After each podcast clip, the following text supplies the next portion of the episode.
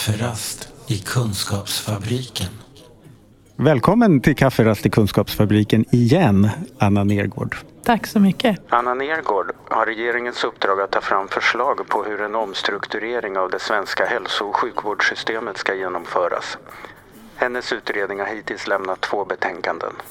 Samordnad utveckling för god och nära vård, en gemensam färdplan och målbild som kom 2017 och God och nära vård, en primärvårdsreform som kom 2018. Du har precis för några minuter sedan eh, hållit ett inledningsanförande här på vår konferens Visa vägar.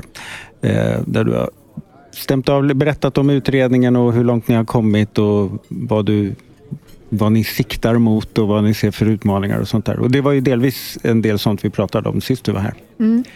Eh, hur går det med utredningen? Nu är det ett och ett halvt år sedan vi sågs.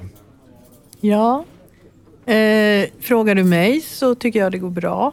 Eh, men egentligen så kanske det inte är mig man ska fråga. Nej. Utan Mm. eh, både tänker jag såklart våra uppdragsgivare men också alla de som vi har bjudit in att vara med i arbetet. För det var ju viktigt för oss från början och det till och med står i direktiven att vi ska göra det här arbetet i eh, dialog med väldigt många olika aktörer. Mm. Eh, Du räknade upp i princip alla som kan vara berörda av primärvård. Ja, det, det, några står ju så. Egentligen alla, alla berörda aktörer står det. Och Ja. inte bara av primärvård egentligen, utan hela hälso och sjukvården. Ja, det. Så att det, det blir mycket. Och det är det som har gjort då att vi har rest runt väldigt Mm. mycket i hela landet.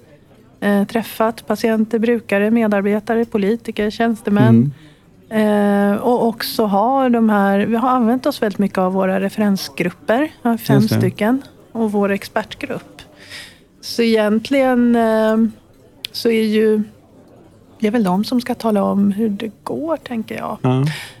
Eh, Men, men det är ju såklart ändå att det, här, det första betänkandet vi lämnade togs ju vidare Mm. hela vägen till en proposition i riksdagen och lagändring. Ja, ganska Och det snabbt. gick ganska snabbt. Ja, just det. Ja. Mm. Eh, Det var ju det här med förändrade eh, organiserande principer för hälso och sjukvården och den förstärkta vårdgarantin. Just det. det var en typ av lagändringar som behövdes för att ni ska kunna fortsätta jobba med mer förändringar och förslag och sådär. Ja, jag, jag tycker det. Mm. Jag tycker att även om, och det eh, håller jag med om och förstår, och det skriver vi en del om i betänkandet, konstruktionen vårdgaranti Mm. är på vissa sätt knepig. Mm. Det är väldigt viktigt hur man utformar den så att den inte... Ja, så att, den, den, eh, att det inte blir undanträngningseffekter. Den vårdgarantin som den ser ut idag tillämpas lite olika. Om man Mm. bara tänker nybesök Mm. så kan det ju vara så att de som har stora behov men kroniska sjukdomar eh, faktiskt inte kommer till på det sätt som är avsett i hälso och sjukvårdslagen. För de är ju inte på har- nybesök nu, för de har ju Nej. samma gamla krämpa som de Mm. kommer dragandes med. Nu, nu kan man nog säga att lagstiftarens intention är faktiskt att vårdgarantin inte bara ska omfatta nybesök. Nej. Men tillämpningarna riskerar ju att bli lite Mm. skeva ibland. Och de viktiga delarna och de förslag som vi la och som, som man också tog i propositionen. Det var dels det här om att den ska vara behovsstyrd. Mm. Det är inte bara en, yrke, en legitimerad yrkesgrupp läkare som ska omfattas av vårdgarantin i primärvården utan alla det. legitimerade yrkesgrupper. Mm. Och det, ju, det hänger ihop med personcentreringen. Så att även om du har, fått, vill, har behov av att träffa en psykolog Mm. så ska det omfattas av Ja. garantin. va? Ja. Eller en fysioterapeut eller Ja, arbetsterapeut. Mm. Sen vet ju vi att idag så är det lite, det ser olika ut i vilken omfattning man har de personalgrupperna i Mm. sin primärvård. Men där tänker ju vi att när primärvården blir mer nationellt lik, Mm. då, då kommer det här att erbjudas alla. Ehm, Det här med att ha, ha det på 21 olika sätt i 21 olika Mm. landsting, det kanske var funktionellt när man inte flyttade på sig så mycket. Ja, Men idag gör man det. Rörligheten är stor, både hos patienter och medarbetare. Vad säger SKL om ett sånt tag? Sveriges kommuner och landsting. De brukar ju normalt sett reagera med en ryggradsreflex om att det måste få vara olika. Mm. Sådär. Eh, jag tror att man kan säga, och min erfarenhet på senare år är att fler och fler ser behovet av att samordna sig Mm. mer och göra mer lika. Mm. Och det tycker jag också, för det var ju det här förslaget vi la i juni förra året. Det betänkandet heter ju En primärvårdsreform. Ja. Eh, och tittar man på remissvaren så, så, tycker jag att, att fler än vad som historiskt har varit fallet kan tänka sig den här nationella tanken. Jag är Ah, inte ja. förvånad, Nej. därför att det var faktiskt en av utgångspunkterna för att jag, när jag tog det här uppdraget, Mm. det hade nog inte gjort det om jag inte hade känt att fler och fler förstår att i ett land med så pass faktiskt förhållandevis liten befolkning som Mm. det svenska, då måste man samordna sig i vissa frågor. Så den viljan finns. Mm. Sen så är det klart att sen, sen så kan man se olika på vad är samordning och när kliver man för långt in i det kommunala självstyret. Just det.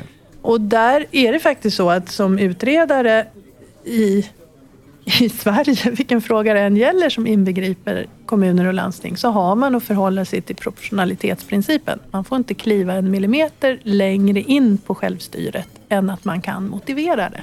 Ja, just det. Så det är ju en avvägning vi gjorde i betänkandet. Hur mycket behöver man göra lika och hur mycket kan man få göra olika? Ja. Jag tänker också att jag, jag har respekt för att landet är geografiskt stort. Och det är olika både förutsättningar och ibland förväntningar i olika landsdelar. Och jag brukar ju tänka att om man inte visste det sedan tidigare så kan man ju säga att de här resorna har ju lärt en att när människor säger geografiskt nära så betyder det väldigt olika saker i Skåne och Norrbotten. Så, att, så det finns skillnader. Just det, precis. Och de geografiska förutsättningarna att vara nära i mil är väldigt olika. Mm, just det. Och det är därför nära, begreppet nära vård är så viktigt. Att det är inte bara geografi. Nej. För det finns ju, inte minst med nya tekniska lösningar, möjligheter att överbrygga de geografiska Jag, avstånden. jag har nog tolkat nära mer som att det handlar om personcentrering. Eller liksom det som är, vad är viktigt för dig? ja. Sådär, Där, har vi, där var jag liksom när, vi valde, när jag valde utredningsnamnet God och nära vård. Då vet vi som god vård, det är definierat i hälso och sjukvårdslagen. Mm. Men nära vård, det är ju inget som... Det ersätter inte begreppet primärvård. För primärvård är ju en vårdnivå. Ja, just det. Som, Nära ja, vård, det är mer ett förhållningssätt. Mm, Där målsättningen faktiskt är att man finns närmare de man är till för. Mm. Ja, men jag tänker också omvänt. Det är en vård som är så nära så jag själv kan påverka den. just det. Mm. Både min egen hälso och sjukvård, som jag förstås ska vara, jag ska vara den som styr den. Mm. Eh, Men jag tänker att nära där, det betyder också att påverka sjukvårdssystemet i sin närmiljö. Mm. Och därför är det ju så roligt att se när vi reser och de goda exempel vi får till oss när fler, fler börjar tänka på det här sättet. Ja. Eh, Så kan man ju exemplifiera med lärandekaféer i Jönköpings län. Eller man kan eh, exemplifiera med hälsocentralen i Övertorneå som Mm. bjuder in befolkningen på byn och vara med och påverka när man ska utforma hälso och sjukvården. Kafferast i Kunskapsfabriken. Det är ett stort skifte. Mm. Det är också ett stort skifte, kanske ännu större skifte i hur man bygger strukturen än hur man tänker. Mhm. Därför att jag, jag tänker nog att liksom alla är ju barn av sin tid på något Mm. sätt. Så jag tror ibland låter det som att det skulle vara medarbetarna i vården som är de liksom yttersta kramarna av det gamla systemet. Jag är Mm. inte säker på Nej. att det är så, utan det kanske är mer att systemet tvingar alla att bete sig Mm. på ett visst sätt. Det kanske är så att föråldrade strukturer uppmuntrar inte till ett förnuftigt Nej. sätt Ja, att agera. Nej, precis. Nej, så Så att även om man sitter där eh, i det enskilda mötet Mm. mellan patienten och medarbetare och tänker att nu skulle vi behöva göra så här. Man kan vara ganska överens tror jag Ja. om hur man skulle vilja göra. Ja. Men de strukturer som finns omkring stödjer inte alls Nej. det sättet att arbeta. Jag är ute och föreläser om brukarinflytande och hur, hur man kan få det att funka på olika sätt och träffa mycket personal och sådär. Och då, Um, då är ju alla överens om att det förmodligen både blir roligare på att jobba och vi blir skickligare på att jobba. Ehm, vi kommer nå bättre resultat och vara effektivare om vi har en bra delaktighet från patienterna. Eh, sådär. Men ehm, det som då skulle vara strukturfelet är att det finns ingenstans att skicka den kunskapen uppåt. Att vad, när vi började göra så här och kunde bli mer effektiva så finns det inget signalsystem uppåt som gör att ni behöver göra andra prioriteringar där uppe för att vi ska kunna fortsätta eller bygga ut det här. Utan det blir små öar av goda exempel men det, finns, det, det är ingenting som nödvändigtvis smittar av sig på andra delar av verksamheten eller som förändrar beslutsfattarnas sätt att mäta kvaliteten eller något sånt där. Nej, men då tänker jag att även beslutsfattande sker ju enligt vissa strukturer. Ja, just det.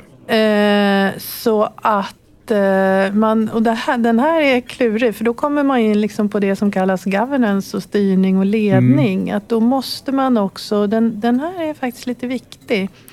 Alltså det, det räcker inte att tänka att man ska förändra vårdverksamheten. Ja, just det. Eh, utan det är många delar i det här. Dels så tror jag att vi måste bli mycket bättre på att ta tillvara medarbetarnas kunskap och intresse mm. för att driva förändring och modernisera sjukvården. Mm. Alltså, och då, då måste det finnas strukturer för att fånga upp det. Eh, men sen är det så att det räcker inte att förändra, för att, alltså att man förändrar synen på hur man ska bedriva verksamhet om man inte förändrar sina processer för budgetstyrning Nej, till exempel. Precis. Och det uppfattar jag att det är inte alla som tänker på det. Nej. Och där har jag nog varit med och sett en del projekt där man kan ha väldigt goda intentioner även från beslutsfattare, både politisk och tjänstemannanivå, vad gäller mm. vad som ska hända i verksamhet. Men, men då måste man förstå att då måste man också förändra sina uppföljningssystem, mm. sina budgetprocesser, mm. alltså strukturen för beslutande. Just det. Och det är, eh, det är svårt på flera sätt. Därför att ett, det är komplext. Mm. Det betyder också att du måste få fler yrkesgrupper än de som är i direkt vård att förstå vad det är för omställning och vad syftet mm. är. Ekonomerna till exempel. Du måste få med, precis. Mm. Du kan som inte diskutera de här frågorna bara med de, de som påverkar liksom så här, kvalitetsutvecklaren eller vårdutvecklaren eller förbättringsledaren. Utan när du för de här samtalen så måste du ha med alla dina stabsfunktioner. Du måste ha med ekonomifunktionen, du måste ha med HR. Mm.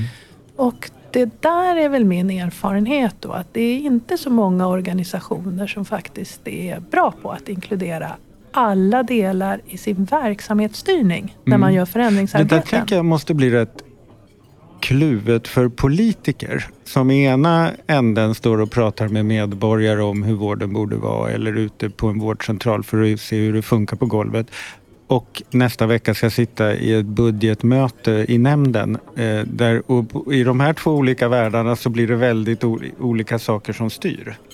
Ja, du skulle också kunna säga att det är hela poängen med att vara politiker, jo, men. Ja, men, men om det då är en budgetprocess som inte pratar om samma saker som man pratar när man är ute och träffar då, då det måste ju bli Alltså, att man inte tidigare har sett att vi måste få ihop det här på något sätt så att de pratar samma språk, de här två processerna. Vad medarbetare gör och vad patienter får och å andra sidan hur vi prioriterar eller fördelar resurser mm. och sådär. Jag tror att vi har nog pratat om det. Det är ju det vi brukar kalla balanserad verksamhetsstyrning. Mm. Eh, att ha alla perspektiv med sig i beslutsfattande. Mm. Eh, men, men det är lättare att säga än att göra. Mm. Eh, och det kräver ju... Det här är intressant för jag, vi och utredningen och jag pratar ju ofta och gärna om interprofessionellt lärande och eh, interpersonella arbetssätt och teamarbeten. Men det gäller faktiskt inte, är min erfarenhet, bara i vårdverksamheter. Det är jätteviktigt där. Men det gäller faktiskt också stabsfunktioner, landstingsledningar. Mm. Alltså, ska man bli framgångsrik som organisation så måste man klara att få ihop olika perspektiv. Just det. Och det är jättesvårt, men det första steget är ändå att man måste förstå och inse att det finns andra perspektiv än just det man själv är satt att arbeta med.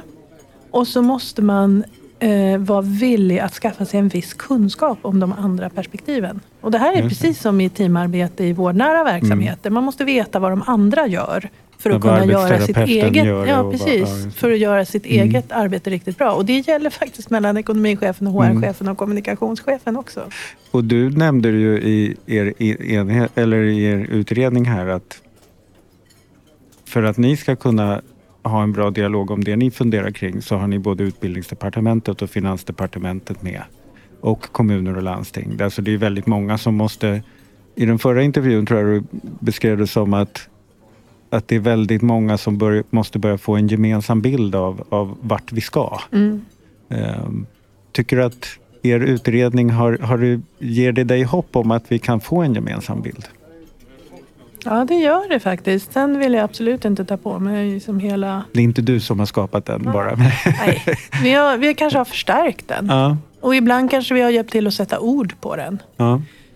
Eh, så att jag, jag tycker att, eh, att det finns en sån eh, en större tydlighet idag i Och alla dina resor har egentligen stärkt din tro på det? Ja. ja. Vad tror du att... Alltså det är en sak att man har en, en färdplan och en målbild. Eh, så. Men vad, vad kommer det att krävas för att skapa den där omställningen?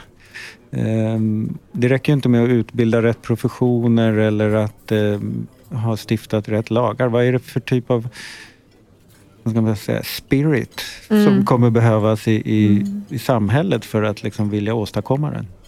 Ja, för det första så, så är det, det var jag säkert inne på redan förra Mm. gången vi pratades vid, för att, ja, men det är uthålligheten. Ja. Alltså man måste klara att hålla i eh, inriktningen på den här omställningen Mm. som hälso och sjukvårdssystemet behöver göra.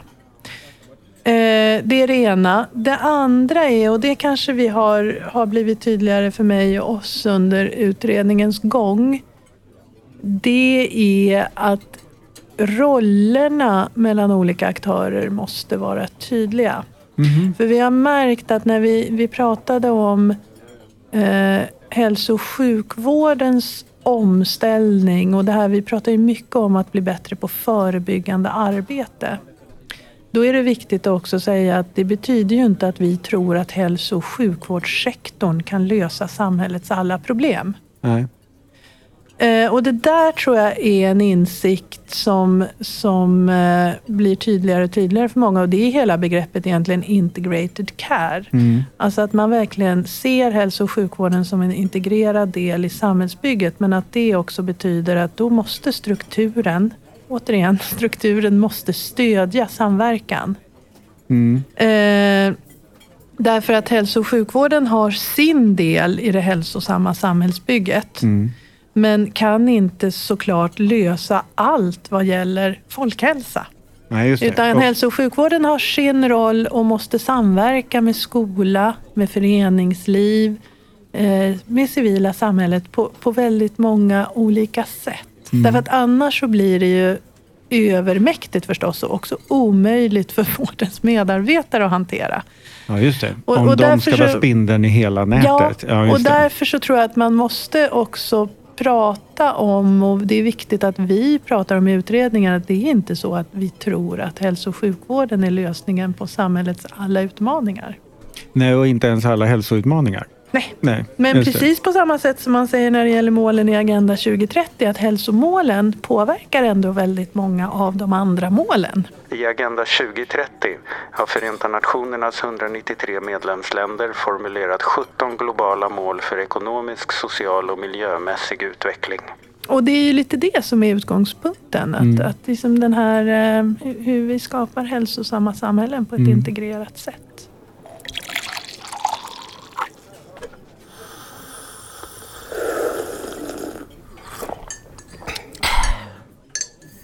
När, även om man försöker prata delaktighet så blir det i slutändan så att det handlar om att hälso och sjukvårdens medarbetare talar om vad människor vill ha. Eh, så att den här, är, alltså den här lyhördheten, den tror jag alla som, som liksom historiskt har och som jobbar i hälso och sjukvård, det måste man jobba med sig själv. Alltså det är Ja, det. jättelätt att tänka att man Men kan du vet. också se att på samma sätt som man säger att man behöver jobba med sig själv var och en som är i vården. Här är det ju då otroligt viktigt att ha strukturer som kan jobba med sig, alltså som har jobbat med sig själv. Ja. Så att man också har det där i strukturen att nej, men vi lyssnar för att veta om vi gör bra. Vi räknar inte bara på vad vi har gjort. Och, Nej, och där, alltså där tänker jag, då kommer jag också in på faktiskt hållbara arbetsmiljöer, vilket jag ju nästan alltid gör. Eh, och ehm, vikten av tid för fortbildning. Och då för mig så är det här med alltså fortbildning eh, kan också vara reflektionstid. Mm. En det bra är inte bara, ja, det är inte, och det är inte bara fortbildning i liksom det som kanske traditionellt har sett som yrkesfärdigheter. Nej, just det. Eh, utan det är nog så att det är en komplex samtid där kraven faktiskt också, alltså vi, vi, idag är det ju inte så, alltså det här medicinska omvårdnadsmässiga, det tror jag de flesta förväntar sig i ett samhälle av vår standard att det ska funka. Mm. Men, men man förväntar sig också eh, en hel del annat, alltså kring bemötande och möjlighet att reflektera med en annan människa och sådär. Och, Mm. och för att klara, motsvara de behoven som hälso och sjukvårdsmedarbetare så, så behöver man nog ha en del reflektionstid och det Ja. behöver finnas strukturer för hur man ska härbärgera och ta hand om allt det man möter. Historiskt som medarbetare i hälso och sjukvården så är man ju väldigt skolad i att göra rätt. Just det. Och det är ju bra, Mm. för det är viktigt. Mm. Men det kanske gör att man ibland... Ja, det, det är ju det här också som patientsäkerhet och hela patientsäkerhetsrörelsen länge har handlat om. Att det här att, att faktiskt också diskutera när det inte blir rätt. Vad kan vi lära oss av det? Ja, Ja. att man har, det är väl det som är en lärande kultur egentligen. Ja, det, det. och det, som sagt, det är lätt att säga och det är svårare att göra eftersom jag tror att utbildningarna i mycket fostrar till eh, att det är både viktigt och premierat att alltid göra rätt. Ja. Och att det kanske inte premieras så mycket just ett reflekterande förhållningssätt.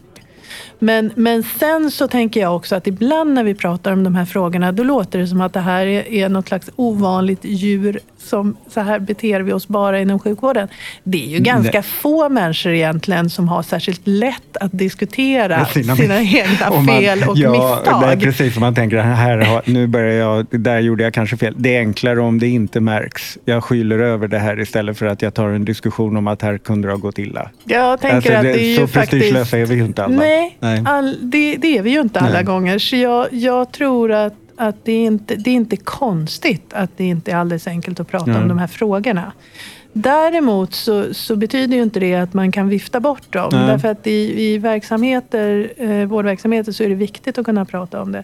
För och det jag tror så också att- att, i längden så är det en styrka. Jag tror ganska mycket av det Eh, och det tycker jag man ser nu och hör också från våra yngre och kommande medarbetare som vi ju ofta och gärna träffar. Ja. Eh, att, att den här möjligheten att kunna reflektera och reflektera tillsammans med andra, den är ju väldigt viktig just för ett hållbart arbetsliv och för och att man ska inte bara mellan kollegor utan med sin patient. Ja.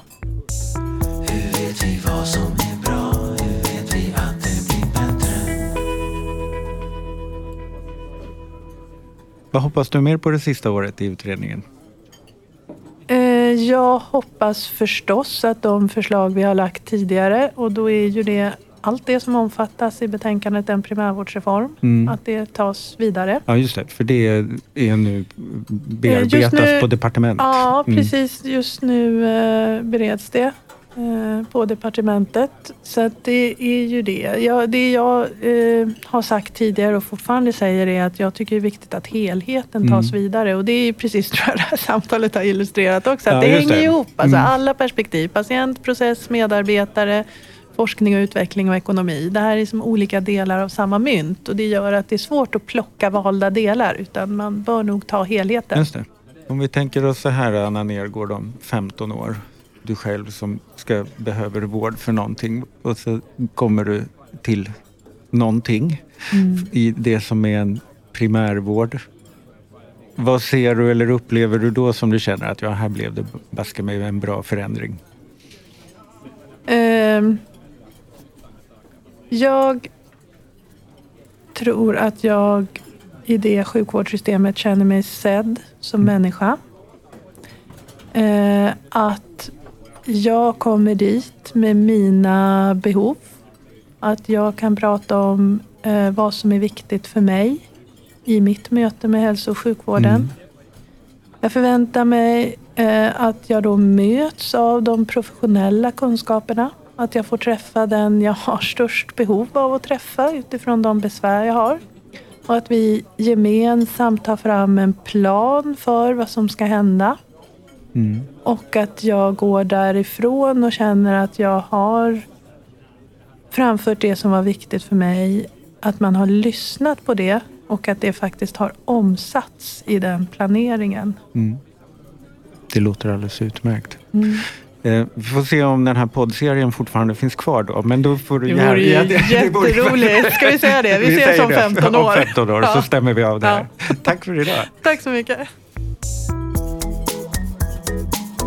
Den här podden görs av NSPH, Nationell samverkan för psykisk hälsa. Läs mer på vår hemsida www.nsph.se eller följ oss på Facebook. Kafferast i Kunskapsfabriken.